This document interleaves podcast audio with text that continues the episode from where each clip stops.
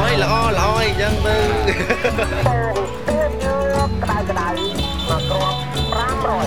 Het is ochtend in het avondland. Een podcast van Chris Janssens. Aflevering 6. Forever Bound. Klassiek ritueel bij het ontbijt.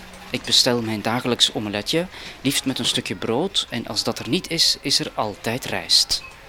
Nog een koffie, zonder suiker, zeg ik er altijd maar meteen bij, want anders doen ze er gegarandeerd drie grote scheppen in. En dan, voor de jongen terug naar de keuken gaat, zegt hij: bang. Okun is een van de eerste woordjes die je hier leert, dankjewel. Maar het gaat me even over dat bang. Een verwijzing naar iemand die ouder is dan jij. In de Cambodjaanse cultuur is leeftijd erg belangrijk. Grootouders krijgen logischerwijs het meeste respect. Als je voor hen het typische begroetingsgebaar maakt, met de handpalmen tegen elkaar, dan komen je vingertoppen aan je neus. Voor iemand die even oud is als jij, houd je je handen lager en gebruik je een andere aanspreektitel. Tieners moeten geduldig wachten tot ze groter zijn om te mogen meepraten. De helft van de Cambodjanen is jonger dan 25 jaar. Als veertiger ben ik voor de meesten dan ook een bon bras, een oudere broer. Ik geniet van dat respect, daar hoef ik niet flauw over te doen, zeker als het van mooie jongens komt. Hun generatiegenoten in Europa beginnen mij stilaan een oude zak te vinden. Soms noemt iemand me poe, en hoewel dat jongere oom betekent, voelt het voor mij nogal oud. Misschien omdat het mij aan opoe doet denken. Dan word ik liever gebangd. Dat past beter bij mij, vind ik. Ik mag toch ook eens ijdel zijn? Het is niet ongewoon dat mensen mij op de man afvragen hoe oud ik ben, zodat ze precies weten waar ze mij in die hiërarchie moeten plaatsen. Als ik zeg dat ik al vier decennia meega, is de volgende vraag of ik een gezin heb. Want een vrijgezel van mijn leeftijd bestaat in hun cultuur niet. Ik krijg dan ook verbaasde blikken als ik zeg dat ik alleen ben. De volgende vraag is dan stevast of ik geen Cambodjaanse vrouw wil. Blijkbaar heeft iedereen wel ergens een zus of een nicht rondlopen die nog niet van straat is. En een Europeaan in de familie binnenhalen lijkt een goede financiële deal. Op een keer liet een straatverkoper mij zelfs kiezen. Hij had een bongsrij, een oudere zus, maar er was ook de oonsrij als ik op jongere meisjes zou vallen. Ik heb hem beleefd geantwoord dat ik eigenlijk gewoon maar een van zijn limoensapjes wilde kopen. Zelf vind ik het moeilijk om de juiste aanspreking te kiezen. Oon is inderdaad iemand die jonger is, maar het klinkt ook een beetje als kind en ik wil natuurlijk niemand beledigen. Ik ben sowieso al slecht in leeftijden raden en Aziaten zien er meestal jonger uit dan ze werkelijk zijn, wat het allemaal nog verwarrender maakt. Op een bepaald moment bereiken vrouwen wat ik noem de bloemetjesleeftijd. Dan beginnen ze losse kleren te dragen met fleurige motieven die er voor mij uitzien alsof ze de hele dag hun pyjama aanhouden.